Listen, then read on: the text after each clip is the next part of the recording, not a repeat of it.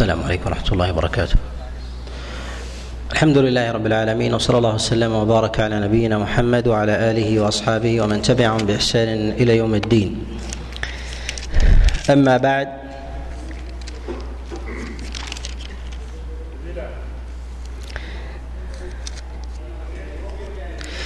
بعدما ذكر الله سبحانه وتعالى شيئا من أحكام وقصص بعض أنبيائه وأوليائه وذلك كعيسى وأمه وبيان نسبهما ونشأتهما وذلك ردا على ما يدعيه على ما يدعيه النصارى في هذا. وكذلك أيضا أشرنا إلى جملة من الأحكام الفقهية المتعلقة بهذا بهذا الباب. معنا في هذا المجلس وأوائل هذه المواضع هي في قول الله سبحانه وتعالى ورسولا إلى بني إسرائيل أني قد جئتكم بآية من ربكم أني أخلق لكم من الطين كهيئة الطير فانفخ فيه فيكون طيرا بإذن الله. الله سبحانه وتعالى جعل لأنبيائه من المعجزات ومن البينات ومن البراهين والحجج ما تكون سبيلا للإقناع العقلي ليدل عند أولئك السامعين على على صدق أولئك المخبرين والرسل. والله سبحانه وتعالى يجعل تلك المعجزات بحسب بحسب أحوال ذلك الزمان. فإذا كان ينتشر عندهم نوع من أنواع الإعجاز أو الإعجاب في باب من الأبواب أنزل الله عز وجل الإعجاز على هذا النحو. الإعجاز على هذا النحو. والعلة في هذا هو أدعى إلى شحذ الأذهان وكذلك العقول وجذب القلوب والأفهام والبصائر حتى تأتي إلى تأتي أولئك إلى أولئك الداعين. ولهذا نجد أن الله سبحانه وتعالى قد جعل في بني إسرائيل من البراهين في أنبيائهم من البراهين والإعجاز من نوع يختلف عن غيرهم. فإنهم يميلون إلى حب معرفة الغيب والاطلاع عليه وكذلك أيضا مما يتعلق بالسحر والتعلق بالكهنة وغير ذلك. ولهذا جعل الله عز وجل لموسى من المعجزات من هذا من هذا الجنس في الظاهر من هذا الجنس في الظاهر. فجعل الله عز وجل له من الآيات العصا حيث تقلب حية ويده كذلك يخرجها فتخرج بيضاء من غير سوء يعني من غير مرض. وكذلك أيضا جعل الله عز وجل لعيسى شيئا من هذا الجنس وإن اختلف وإن اختلف من جهة النوع. وذلك أن أن بني إسرائيل من قوم عيسى عليه السلام كانوا يتشوفون إلى إلى الطب ومعرفة العلاج وكذلك أيضا معرفة خوارق العادات ومعرفة الغيب فهو جنس ما لدى ما لدى قوم موسى على نوع على نوع مغاير في هذا الباب. فجعل الله عز وجل من المعجزات لموسى ما ليس ما ليس لعيسى وجعل الله عز وجل في عيسى ما ليس ما ليس لموسى. فكل نبي من أنبياء الله عز وجل يجعل يجعل فيه من المعجزات لقومه ما يخص به ما يخص به ذلك النبي عن غيره. ولهذا نجد أن الله سبحانه وتعالى قد خص سليمان بنوع من الإعجاز ليس لغيره وذلك من تسخير الريح والجن ومعرفة منطق الطير وكذلك النمل وغير هذا. وكذلك أيضا جعل الله عز وجل في موسى من المعجزات ما ليس ما ليس في غيره. وجعل الله عز وجل في عيسى من الإعجاز ما ليس في غيره كإحياء الموتى وابراء الاكمه والابرص وكذلك أيضا جعل الله سبحانه وتعالى في نبينا عليه الصلاة والسلام من المعجزات ما ليست في غيره كانشقاق القمر. فكل نبي من أنبياء الله خصه الله بمعجزة وقد يجعل الله عز وجل من بعض المعجزات ما هي مشتركة مع بقية مع بقية الأنبياء. والله سبحانه وتعالى قد جعل لعيسى شيئا من هذه من هذه الأنواع. منها ما يختص بعيسى ويشترك أصله مع غيره كإحياء الموتى. كإحياء الموتى على اختلاف في سبب الإحياء. فالله عز وجل جعل في عيسى من إحياء الموتى ما جعل في إبراهيم. في إبراهيم في قصة في قصة الطير. فجعل الله عز وجل في ذلك من البرهان ما هو موجود لدى لدى إبراهيم ولكن ذلك كان خاصا بإبراهيم وهذا عام عام في عيسى في عيسى في قومه. ولما كان قومه يتشوفون إلى معرفة الغيب والطب جعل الله عز وجل هذه الإعجاز في عيسى من هذا النوع. فكانوا يميلون إلى معرفة المغيبات عن طريق السحرة والكهنة وكانوا أيضا يحبون التطبب والتشافي في ذلك. جعل الله هذه المعجزات من هذا النوع حتى يقبلوا يقبلوا إليه. وأما الحكمة من الإعجاز الحكمة من هذه من هذه المعجزات.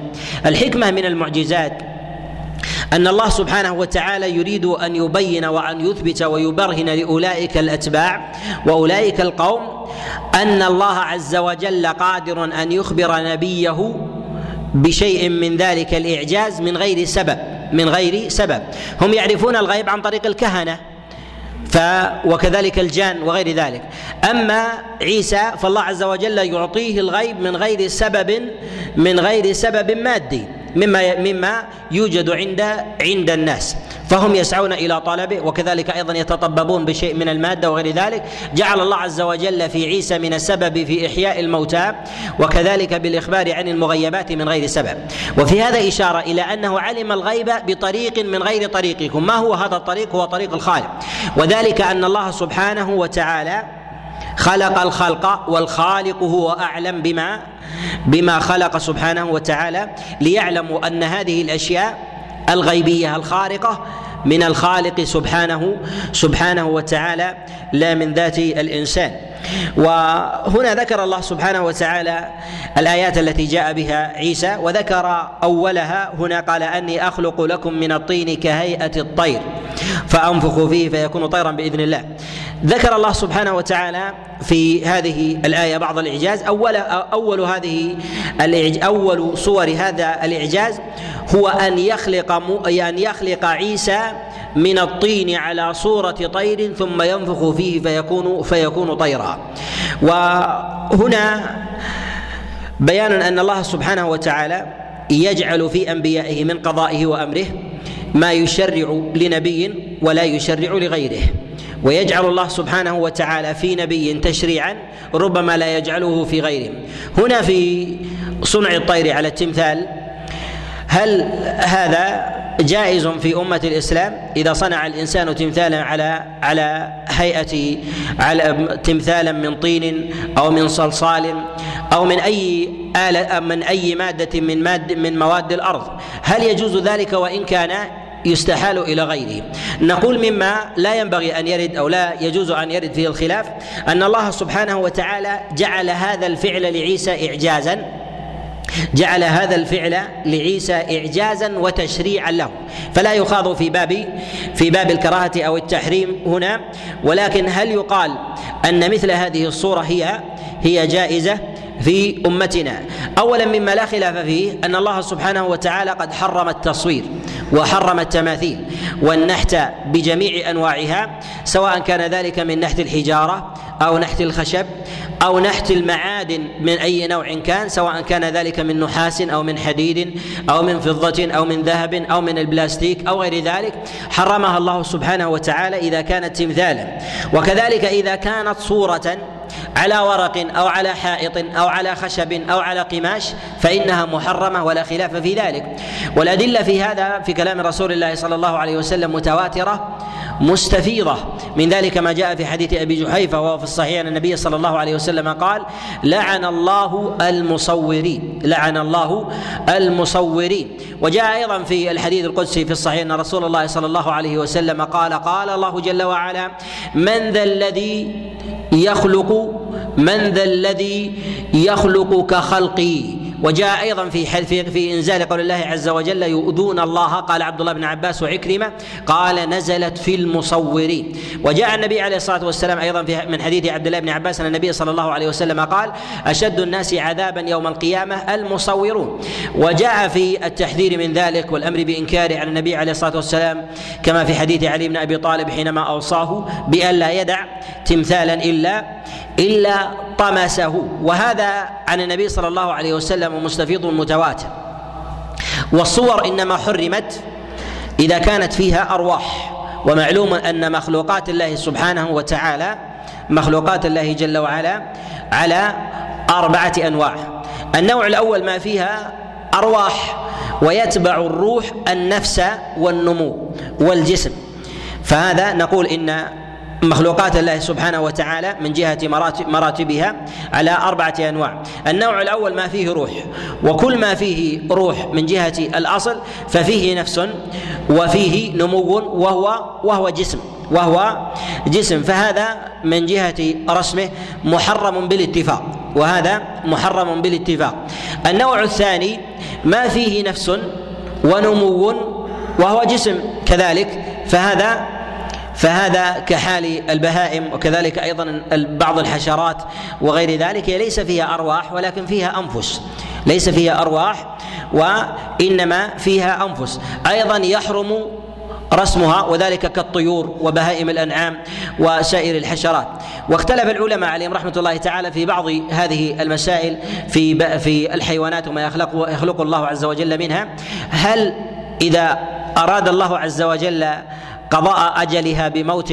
هل يقبضها ملك الموت أم تقبض على حال أخرى؟ يختلف العلماء عليهم رحمة الله تعالى في هذا. ولا أعلم دليلا في ذلك عن النبي عليه الصلاة والسلام صريحا. وجاء عن عبد الله بن عباس أن الذي يقبض البهائم هو الذي يقبض هو الذي يقبض بني آدم. ولكنها أنفس وليست وليست أرواح. وهذه أيضا من مواضع من مواضع الخلاف. النوع الرابع من مخلوقات الله ما لا روح ولا نفس فيه ولكنه جسم وفيه نمو. ولكنه جسم وفيه نمو وهذا كحال الأشجار. فإن الأشجار أجسام وتنمو ولكن ليس فيها أرواح وليس فيها أنفس. فهل يجوز للإنسان أن يرسم هذه؟ نقول يجوز له. ولا أعلم في ذلك خلافا عن أصحاب رسول الله صلى الله عليه وسلم إلا ما جاء عن مجاهد بن جبر. كما رواه ابن أبي شيبة في كتابه المصنف عن ليث أن مجاهدا يكره رسم الشجر. يكره رسم الشجر وليث بن أبي سليم ضعيف ضعيف الحديث ولو صح عنه في ذلك لعل الكراهة في هذا الكراهة آه، في هذا أنه أراد أراد احتياطا لا لا تحريما احتياطا لا تحريما. ومنهم من يقيده بالشجر المثمر بخلاف الشجر غير غير المثمر. وهذا أيضا هذا التقييد فيه فيه نظر. النوع الرابع في هذا ما كان جسما لا نمو فيه ولا روح ولا نفس. وهذا كحال الجمادات وذلك كالأحجار والرمال وكذلك أيضا الخشب المرمي وكذلك البحار والثلوج وغيرها. فهذه مما خلقه الله سبحانه وتعالى ولم يجعل فيه من الخصائص ما ما في الأنواع السابقة. فهذا مما لا يختلف فيه في جواز مما لا يختلف فيه في جواز رسمه. وجاء النص على ذلك عن غير واحد من من العلماء. أما بالنسبة للنوع الأول والنوع الثاني فهذا مما لا خلاف فيه في تحريمه وذلك مما فيه أرواح أو فيه أو فيه أنفس أو فيه أو فيه أنفس. والأدلة في ذلك قد تقدم الكلام عليه. وهل هذه التصاوير هي على نوع واحد من جهة التشديد فيها؟ نقول الشريعة قد قيدت التحريم بما تظهر فيه الحياة. ما يظهر فيه فيه الحياة والروح والنفس. وما لا يظهر فيه الحياة مستقلا بنفسه فإنه يجوز للإنسان أن يرسمه. وذلك كرسم الإنسان للإصبع أو رسمه للكف أو رسمه للقدم أو الساق أو غير ذلك. فهذا جائز لا لا يأثم الإنسان به لا يأثم الإنسان به. ولكن لو رسم الإنسان راسا لا لو رسم الإنسان راسا بسمعه وبصره فهذا فهذا رسم محرم. فهذا رسم محرم لا خلاف فيه.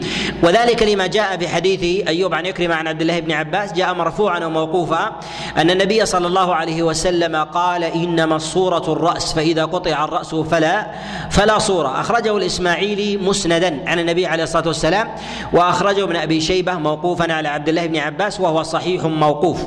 وهذا يعضده في ذلك ما جاء في حديث أبي هريرة ما جاء في حديث أبي هريرة عليه رضوان الله فيما أخرجه الإمام أحمد في كتابه المسند من حديث مجاهد عن أبي هريرة أن جبريل استأذن على رسول الله صلى الله عليه وسلم فقال له النبي صلى الله عليه وسلم ادخل فقال كيف أدخل وفي البيت تصاوير اقطع رؤوسها أو اجعلها بسطا وهذا جاء من حديث مجاهد عن أبي هريرة وإسناده وإسناده في ذلك في ذلك صحيح فإذا قطع الإنسان رأس الصورة وأبقى الجسم جاز جاز ذلك. وإذا رسم الإنسان ظلا رسم الإنسان ظلا جسم الإنسان مثلا مدبرا ولا يظهر في ذلك وجهه جاز ذلك. لماذا؟ لأنه شبيه بالظل فهو ما ما رسم في ذلك خلقة وإنما وإنما رسم رسم ظلا. ويجوز أيضا أن يرسم الإنسان ما لم يخلقه الله عز وجل على صورته مما مما فيه حياة. وذلك أن يرسم مثلا تفاحة يضع لها عينين وفم أو تمرة أو موزة أو نحو ذلك ويجعل لها عين وفم أو غير ذلك. هذه لم يخلق الله عز وجل تتكلم أو لم يخلق الله عز وجل فيها حياة. فجاز فجاز ذلك. ولا حرج ولا حرج فيه لأنها ليست ليست صورة. ولهذا الله سبحانه وتعالى يقول من ذا الذي يخلق كخلقي فهذا هذه الصورة ليست روحا خلق الله عز وجل عليها كأصلها على هذه الحال ولهذا يقال مما مما يجوز مما يجوز ذلك. والصور التي ترسم والتي ترسم نستطيع أن نقول إن الأصل فيها التحريم وقد تجوز في بعض الأحوال في بعض الأحوال. من هذه الأحوال إذا الحالة الأولى إذا كانت ممتهنة إذا كانت ممتهنة. وهذا الذي يظهر أن عليه عمل عامة السلف أن الصورة الممتهنة ولو كانت روح فهي فيجوز في ذلك يجوز في ذلك اقتناؤها. وامتهانها كأن تكون بسطا يمر عليها الإنسان ويمشي. أو تكون مثلا في ملابس ممتهنة كالأحذية والجوارب والسراويل والأزر وغير ذلك. فهذا مما مما لا حرج فيه. صح ذلك عن جماعة من السلف. صح ذلك عن سعيد بن جبير وعكرمة مولى عبد الله بن عباس. وصح ذلك عن محمد بن سيرين وعكرمة بن خالد.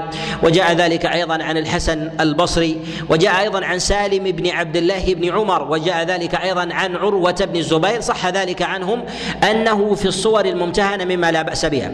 صح عن هشام بن عروة عن أبيه أنه كان يجلس على المرافق التي فيها صور الطيور. والتي وهي ذلك كالمراتب و و وممكن يدخل في هذا التكايات والأرائك والكنب وغير ذلك لأن الإنسان يجلس يجلس عليها وهذه ممتهنة لأنه لو كان معظما لديه ما جلس على صورة معظم ما جلس على صورة صورة معظم وجاء الجلوس على المياثر والمرافق والأرائك التي فيها صور عن سالم بن عبد الله بن عمر وجاء ذلك أيضا عن محمد بن سيرين كذلك. ومن العلماء من يقول إنما حرم من الصور ما لم ينصب وما لم ما وما كان غير منصوب فإنه يجوز للانسان للإنسان أن يقتنيه. وهذا حتى في غير الممتهن على قول بعضهم وذلك كحال مثل الرسوم التي تكون في الأسقف.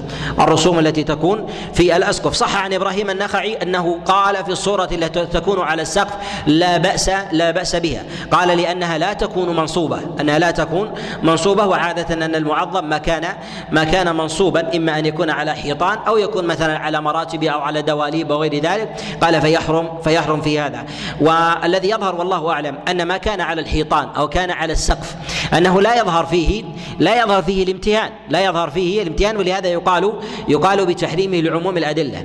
أما ما كان ممتهنا ما كان ممتهنا وذلك على ما تقدم كالبسط أو مما يرمى الذي يكون مثلا على الأكياس آه، ويرمى أو على العلب ونحو ذلك فهذا مما لا بأس به. وقد جاء جنس ذلك عن جماعة من السلف باعتبار أن هذا أن هذا مما يرخص مما يرخص يرخص فيه. الثاني مما مما يعفى عنه وجاء في ذلك عن جماعة عن جماعة من السلف مما يتعلق في احكام أحكام التصاوير مما يعجز عن إزالته من غير نصب مما يعجز عن إزالته من غير من غير نصب. وذلك كأن يكون مثلا في تابوت كبير نقش عليه رسم لم يكن مقصودا مقصودا بذاته. وهذا مما جاء عن بعض السلف العفو عنه. صح ذلك عن إبراهيم النخعي وغيره. صح ذلك عن إبراهيم النخعي وغيره. الثالثة الرسم الذي يزال من فوره. الذي يزال من فوره يعني يحال عن عن طبيعته التي هو هو عليها إذا كان لمصلحة. كالإنسان الذي يرسم شكلا ليبرهن على حقيقة ليبرهن على حقيقة. كالذين مثلا يعملون مثلا في بعض الجنايات أو يريدون مثلا بيان آه، ملامح شخص أو نحو ذلك فيرسمه أو مثلا يريد أن يدل على شيء آه، أو يعرف به كرسم طائر أو حيوان هذا حيوان كذا وهذا حيوان كذا ثم يقوم بإزالتها. فهذا مما لا بأس به وقد يستأنس بهذه الآية في حال عيسى عليه آه، عليه الصلاة والسلام أنه خلق بيده خلق بانه خلق بيده من الطين كهيئة الطير. فقبل أن ينفخ فيه كان كانت مثالا ولكنه فعل ذلك لأنه يستحيل. فعل ذلك لأنه لأنه يستحيل إلى صورة إلى صورة أخرى والصورة الأخرى في ذلك هو أن الله عز وجل يخلقها على على ذلك. فإذا كان ذلك يستحيل من الإنسان فيرسم الإنسان مثلا على لوح أو على ورق للتعريف ثم يقوم بتمزيقها. ثم يقوم بتمزيقها يقال هذا مما لا حرج مما لا حرج فيه وإن احتاط فيه الإنسان وقيده في ذلك بأبواب الحاجة والتعليم من غير أن يكون منصوبا أو ترفا في ذلك. فإن هذا فإن هذا بهذه القيود مما مما لا بأس به. وهنا مسألة وهي المواضع التي يكون فيها التصاوير. المواضع التي يكون فيها التصاوير. هل للإنسان أن يدخلها أم لا؟ النبي عليه الصلاة والسلام في وصيته لعلي بن أبي طالب لا يدع تمثالا؟ إلا طمسه. والطمس المراد بذلك على ما تقدم أنه يكفي بأدناه وطمس الوجه. ومعنى طمس الوجه ليس المراد بذلك هو قطعه وليس المراد بذلك هو الاكتفاء بالقطع. لو أن الإنسان ظل له ولم يميز من ذلك الوجه ولا الملامح فلا يوجد عينين ولا أنف ولا فم ولا أذنين فهذا فهذا فهذا ليس ليس بجنس ما خلق الله سبحانه وتعالى ولهذا مما مما يعفى يعفى عنه فهذا مما يعفى يعفى عنه. ولو بقي هيكل هيكل الرأس. وكذلك أيضا في حال الرجل إذا كان مستدبرا. إذا رسم الإنسان صورة رجل مستدبر فليس ثمة وجه فهذا نقول شبيه بالظل. هذا شبيه بالظل لأنه إنما رسم رسم عرضه فلا يعرف فلا تعرف حاله. الرجل هو أو امرأة أبيض أم أسود حسن أم قبيح أو غير ذلك مما من أحوال من أحوال الناس. فهذا مما مما لا بأس مما لا بأس به. ويتفرع عن هذا على ما تقدم الكلام عليه مما يرسمه الناس مثلا من الأصبع أو اليد أو غير ذلك ما لم يكن رأسا. فهذا مما لا بأس به باعتبار أن الحياة في ذلك لا تكون إلا بالرأس. وقد جاء في حديث عبد الله بن عباس إنما صورة الرأس فإذا قطع الرأس فلا صورة. وكان الإمام أحمد رحمه الله إذا رأى صورة طمس وجهها. كان الإمام أحمد رحمه الله إذا رأى صورة طمس طمس وجهها وإذا وجد الإنسان صورا في أماكن عامة أو مرافق أو غير ذلك فهل للإنسان أن يدخلها أم لا؟ نقول إذا كان في ذلك حاجة هذا مما لا بأس به مما لا بأس به. إذا شق على الإنسان إنكاره صح ذلك عن الصحابة صح ذلك عن الصحابة. قال الحسن البصري أولم يكن أصحاب رسول الله صلى الله عليه وسلم يدخلونها وفيها التصاوير؟ يعني ما يكون من حانات ومتاجر وكذلك أيضا أسواق مما يشق على الإنسان في ذلك في ذلك إزالته إزالته بعينه.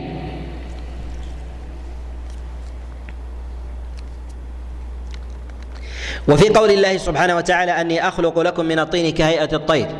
في هذا جواز وصف فعل الإنسان بالخلق وإطلاق الوصف عليه.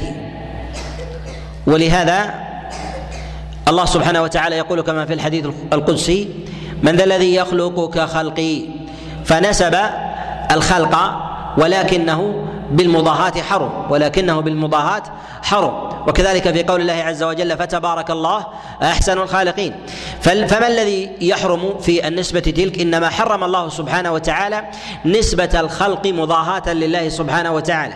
والذي نفاه الله جل وعلا كما في قول الله جل وعلا لن يخلقوا ذبابا لا يخلقون شيئا.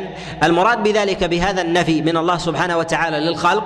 في ذلك هو الخلق الذي يضاهي خلق الله سبحانه وتعالى على على الحقيقة. فما كان مماثلا فهذا فهذا مما يحرم أيضا وصف العبد به. فإذا وصف العبد مثلا برسم أو نحت لشجر أو لطبيعة فيقال ما أحسن ما خلقت أو ما أحسن ما رسمت أو ما أحسن ما أبدعت. هذا مما مما هو مما هو جائز.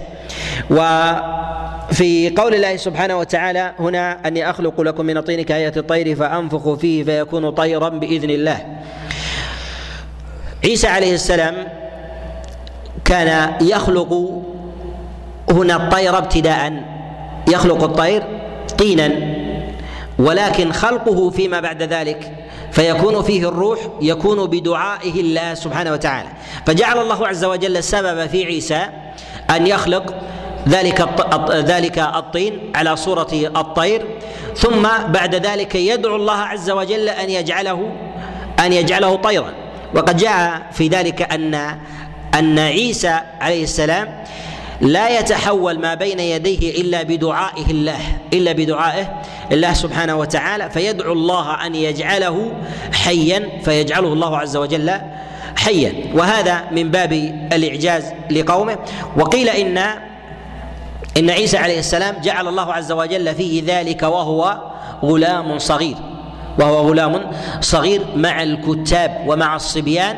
وذلك وقيل منهم من قيد عمره في ثاني عشر ومنهم من قال دون ذلك ومنهم من قال قال بعد بعد ذلك. وفآفى ليخبر الصبيان وآباءهم بذلك فيلحق وينظر بالإعجاز الذي كان كان في عيسى عليه عليه السلام.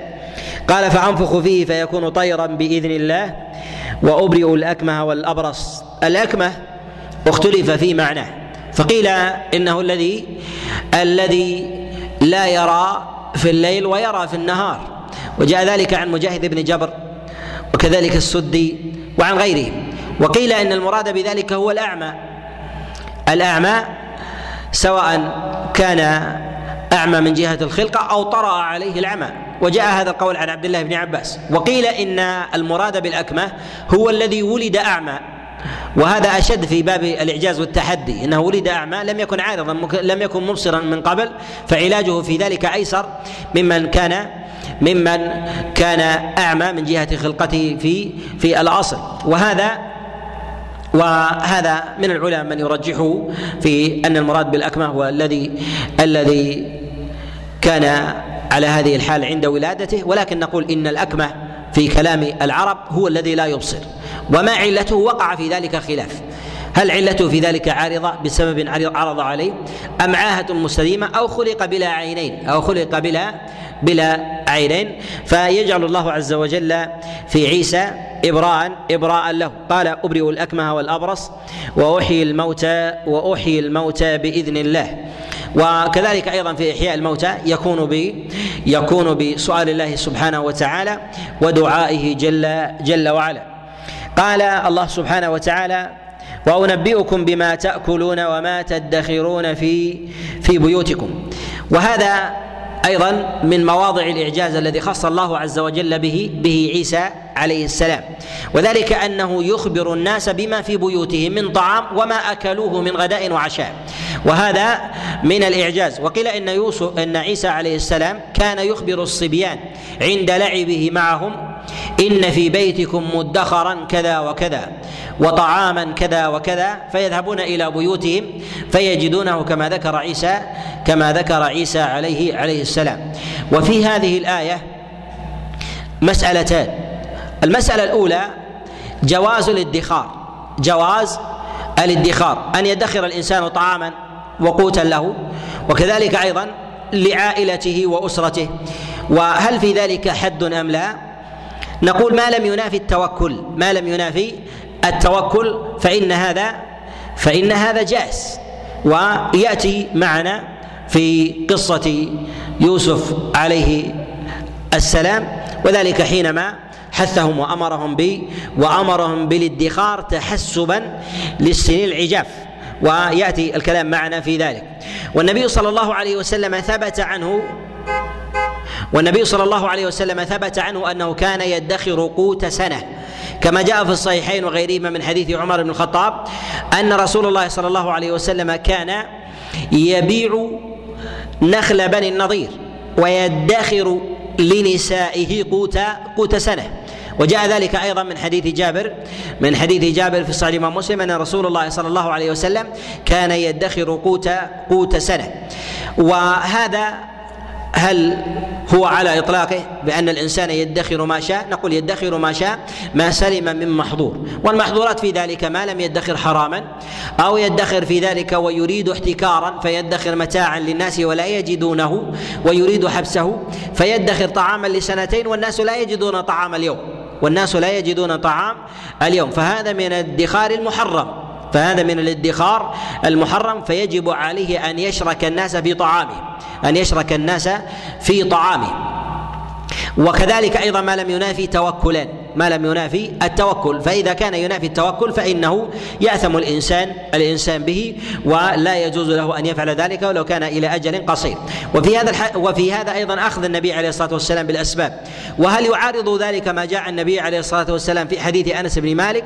أنه قال لا يدخر طعاما لغده لغد. وهذا قد أخرجه الترمذي من حديث آه، جعفر بن محمد عن ثابت عن أنس بن مالك أن النبي صلى الله عليه وسلم قال لا يدخر طعاما لغد. لا يدخر طعاما لغد. نقول هذا الحديث جاء عن أنس بن مالك من طريقين. جاء عن أنس بن مالك من طريقين. أولهما من حديث جعفر بن محمد عن ثابت عن أنس بن مالك واختلف فيه. فما بين وصل وإرسال. جاء من حديث جعفر بن محمد عن ثابت عن أنس بن مالك وجاء من حديث جعفر بن محمد عن ثابت مرسلا عن رسول الله صلى الله عليه وسلم والمرسل في هذا أصح. وجاء عند البخاري في كتابه التاريخ من حديث هلال أبي العلاء عن أنس بن مالك أن رسول الله صلى الله عليه وسلم أهدي إليه أهدي إليه ثلاث طوائر فأهدى لخادمه طيرا فجاء به من الغد فقال له النبي عليه الصلاة والسلام ألم أنهك عن أن تدخر طعام اليوم إلى الغد؟ طعام اليوم إلى الغد فإن الله يأتي برزق غد. وهذا الحديث أيضا لا لا يصح قد أعله البخاري رحمه الله في كتابه في كتابه التاريخ. وعلى هذا نقول إن النبي صلى الله عليه وسلم ما نهى عن جنس الادخار. ما نهى عن جنس الادخار وإنما نهى النبي صلى الله عليه وسلم عنه للعلل الخارجة عنه. العلل الخارجة عن أن يدخر الإنسان ولذلك يريد يريد أو يتربص به الغلاء على الناس لشح لشح المادة لديهم أو يريد بذلك استئثارا فيدخر قوت السنة والسنتين والناس في مجاعة ولا يجدون طعام اليوم أو اليومين. فهذا فهذا مما مما يحرم ولا خلاف عند العلماء في ذلك. والمسألة الثانية في هذا في قول الله عز وجل وانبئكم بما تأكلون وما تدخرون في بيوتكم. فيه جواز الإفصاح الإفصاح عن الأموال عند الحاجة إلى ذلك والحسابات البنكية وإذا خشي من رشوة أو سرقة المال العام وغير ذلك.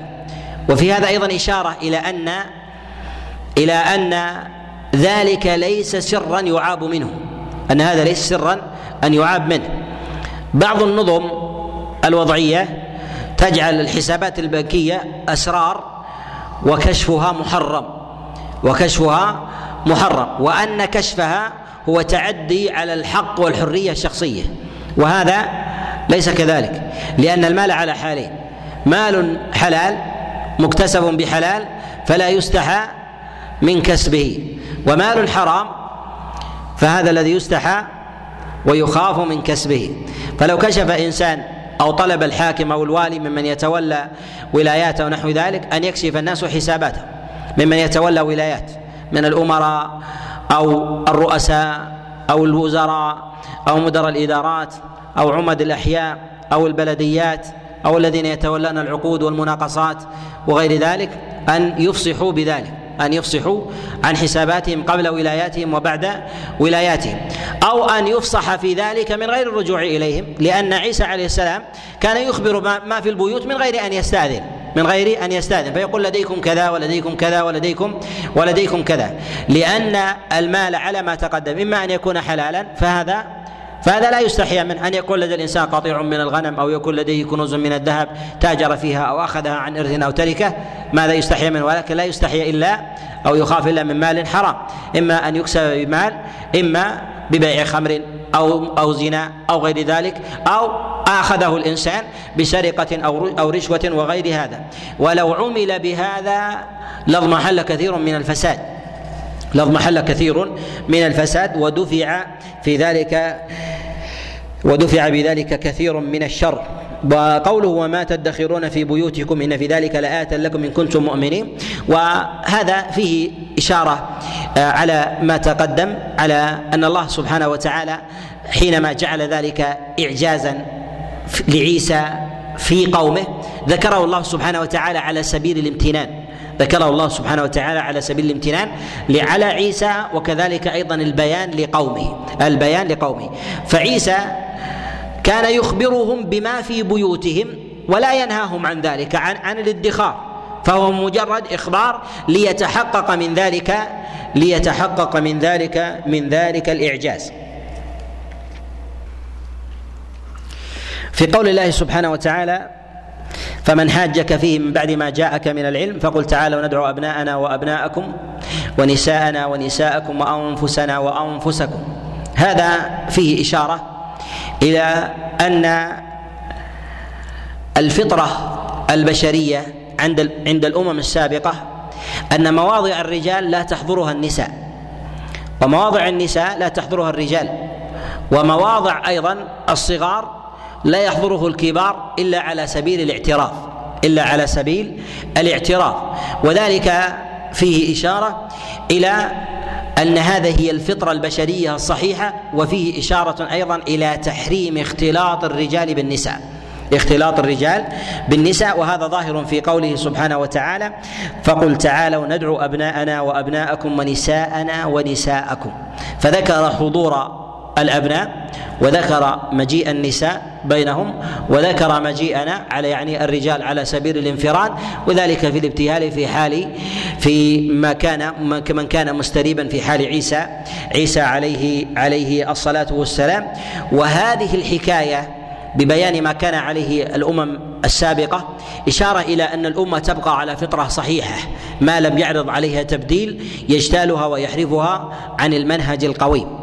ولهذا نجد أن في الأدلة الشرعية سواء كان ذلك في في نبوة نبينا صلى الله عليه وسلم أو في الأمم السابقة أن ما كانت الفطرة المستقيمة عليه أنه يكتفى بالفطرة عن الأدلة يكتفى بالفطرة عن الأدلة فلا يؤتى ولا يؤتى بدليل لماذا؟ لأن الفطرة الصحيحة هي التي تخاطب الفطرة الصحيحة هي التي التي تخاطب بذلك. ولهذا نجد أنه في زمن النبي عليه الصلاة والسلام ما كن النساء يأتين في مواضع الرجال وكذلك أيضا في في المواضع السابقة إلا على سبيل الاعتراض أو ما يطرأ من شذوذ في بعض الأحوال ما يطرأ من شذوذ في بعض الأحوال. ومعلوم أن الفطر في حال انحرافها بين مد وجزر بين مد وجزر. والفطر في حال انحرافها لم تبلغ غاية الانحراف فيما أعلم إلا في زمنين الزمن الأول في زمن لوط عليه السلام.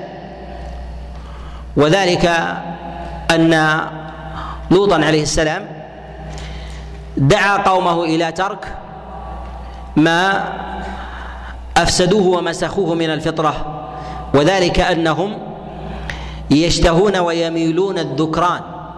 إلى الذكران من العالمين.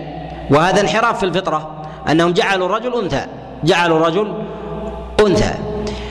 والثانية الزمن الثاني هو الزمن الذي نحن فيه وهو أشد انحرافا من زمن قوم لوط. وأشد انحرافا من زمن قوم لوط. لأن قوم لوط كانوا يأتون الرجال شهوة من دون النساء شهوة ونزوة. وفي زماننا يأتي الرجال الرجال زواجا ونكاحا وعقدا. زواجا ونكاح وعقد. ويجعلون ذلك زوجية أما قوم لوط فيجعلون ذلك ذلك نزوة وتمضي. نزوة وتمضي. فالانحراف الفطري الموجود هنا في في هذه الأم في هذا الزمن دليل على أن الله سبحانه وتعالى قد يرفع العقاب عن أمم يرفع الله سبحانه وتعالى العقاب عن أمم وهي أشد ما تكون بغضا عنده سبحانه وتعالى وقد أنزل على أجناسها من ذلك العقاب ما أنزله الله سبحانه وتعالى. بل بلغ في الأمم الغربية في زماننا اليوم من الانحراف أشد مما يخطر على بال. بل يدرسون الآن هو زواج الرجل بالبهائم زواج الرجل بالبهائم. فهم يتعاملون مع البهائم الآن على كما يتعامل قوم لوط مع الرجال فيرون أن وضع الرجل للبهيمة وذكران البهائم للنساء أن هذا أن هذا شهوة ونزوة لا يعاقب عليها الإنسان وهي من حرية الإنسان الشخصية. ما وصلوا إليه إلى العقود الرجال على الرجال وعقود النساء على النساء بعقود بعقود. أما البهائم فلم يصلوا إلى مرحلة العقد لم يصلوا إلى مرحلة العقد. عافانا الله عز وجل وإياكم وإياكم من هذا من هذا المسخ.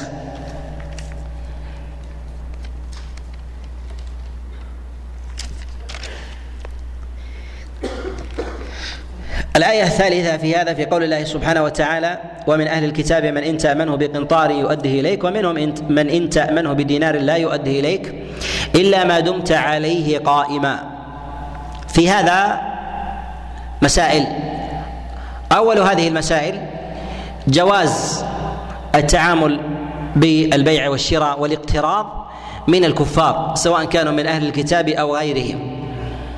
وهنا ذكر الله سبحانه وتعالى أهل الكتاب من إن تأمنه بقنطار يؤديه إليك. وهذا إشارة إلى التعامل من جهة الاقتراض أو كذلك أيضا البيع وهو جائز ولا خلاف عند العلماء في ذلك ولا خلاف عند العلماء في ذلك. وقد تبايع النبي صلى الله عليه وسلم مع مشركين. تبايع النبي عليه الصلاة والسلام أيضا مع أهل الكتاب. كما جاء في حديث عائشة عليه رضوان الله في الصحيح أن النبي صلى الله عليه وسلم أن النبي صلى الله عليه وسلم مات ودرعه مرهونة عند عند يهودي.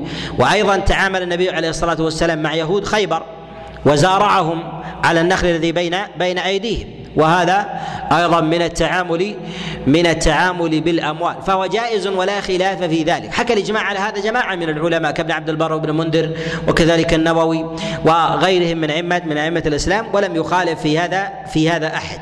وإنما المسألة هنا فيما يتعلق بالتعامل بالبيع مع الحربيين البيع والشراء مع الحربي فنقول إن البيع والشراء مع الحرب على حالين. الحالة الأولى بيع وشراء معه فيما يقويه كبيع السلاح له كبيع السلاح له مما يقويه على حرب المسلمين. فهذا مما لا خلاف في منعه ما لا خلاف في في منعه. الحالة الثانية هو البيع والشراء مع الحرب فيما تستوي فيه المصلحة بين المسلمين وبينهم كشراء الطعام والكساء أو غير ذلك فهذا مما لا بأس به ولو كان حربيا ولو كان حربيا. وعلى هذا أدلة كثيرة عن رسول الله صلى الله عليه وسلم. ترجم البخاري رحمه الله في كتابه الصحيح قال باب البيع والشراء مع أهل الكتاب وأهل الحرب. مع أهل الكتاب وأهل الحرب. وأسند في ذلك من حديث أبي عثمان عن عبد الرحمن بن أبي بكر قال كنا مع رسول الله صلى الله عليه وسلم في سفرة فجاء رجل من المشركين معه غنم فقال النبي صلى الله عليه وسلم فقال النبي صلى الله عليه وسلم أبيعا أم عطية؟ فقال النبي صلى الله فقال الرجل للنبي عليه الصلاة والسلام بيعا فاشترى النبي عليه الصلاة والسلام منه منه شاة وكان ذلك المشرك محاربا وكان ذلك المشرك محاربا. فدل على جواز البيع والشراء من المحاربين كأن يشتري المسلمون مثلا اللباس ويشتري كذلك منه الأواني وغير ذلك مما لا حرج فيه إذا استوت فيه المصلحة. ولكن بيع السلاح وما يتقوون به على المسلمين فهذا مما فهذا مما مما يحرم ولا خلاف عند العلماء ولا خلاف عند العلماء العلماء في ذلك.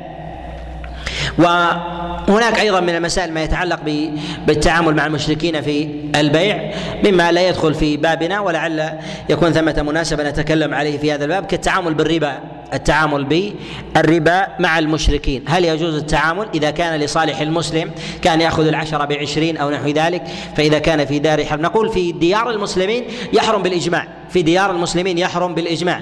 كالتعامل مع أهل الذمة في بلدان المسلمين لا يجوز للإنسان أن يتعامل معهم. وقد نص على الإجماع في هذه المسألة غير واحد من العلماء كابن تيمية رحمه الله وغيره. أما التعامل في بلد الحرب في بلد الحرب كان يكون مسلم في بلد محاربين فله أن يتعامل. من العلماء من قال بالمنع ويقول عامة العلماء منهم من قال بجواز بجواز ذلك. ويذهب إلى هذا بعض الفقهاء من أهل الرأي وربما يأتي الكلام عليه بإذن الله تعالى في موضعه. ومن المسائل هنا في قوله سبحانه وتعالى لا يؤديه إليك إلا ما دمت عليه قائما. إلا ما دمت عليه قائما. هنا الدائن يقوم على المدين وذلك بمتابعته أو مراقبته. فمن العلماء من قال بجواز حبس بجواز حبس المدين. وذلك أن الحبس نوع من أنواع تقييد الحرية. فقوله هنا إلا ما دمت عليه قائما يعني مراقبا حارسا له فلا ينتقل ولا يتحول ولا يهاجر من البلد التي هو فيها حتى لا يذهب بالمال. وهذا إشارة إلى إلى تجويز القيام عليه تجويز القيام عليه. وتقدم معنا هذا في سورة البقرة في قول الله سبحانه وتعالى وإن كان ذو عسرة فنظرة إلى إلى ميسرة. تقدم في مسألة المعسر هل يجوز حبسه أو لا يجوز حبسه وإذا ثبت في ذلك الإعسار وامارات الإعسار وكذلك أيضا ما يتعلق في في الاستظهار الذي يأخذه القاضي في حبس من عليه دين ومدة ذلك وكلام العلماء عليهم رحمة الله تعالى في هذا في هذا الباب. واختلف العلماء عليهم رحمة الله تعالى في القيام على المدين في القيام على المدين ومتابعته. على قولين ذهب أبو حنيفة وجماعة من آه، الفقهاء من غيره إلى إلى جواز ذلك وجمهور العلماء إلى عدم جواز القيام عليه.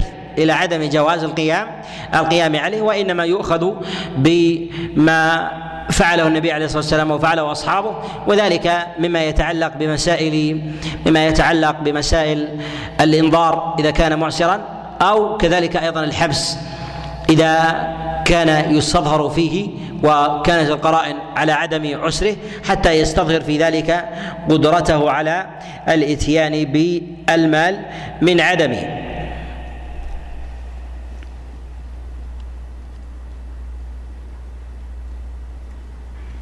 نكتفي بهذا القدر وبالله الإعانة والتوفيق والسداد وصلى الله وسلم وبارك على نبينا نبينا محمد.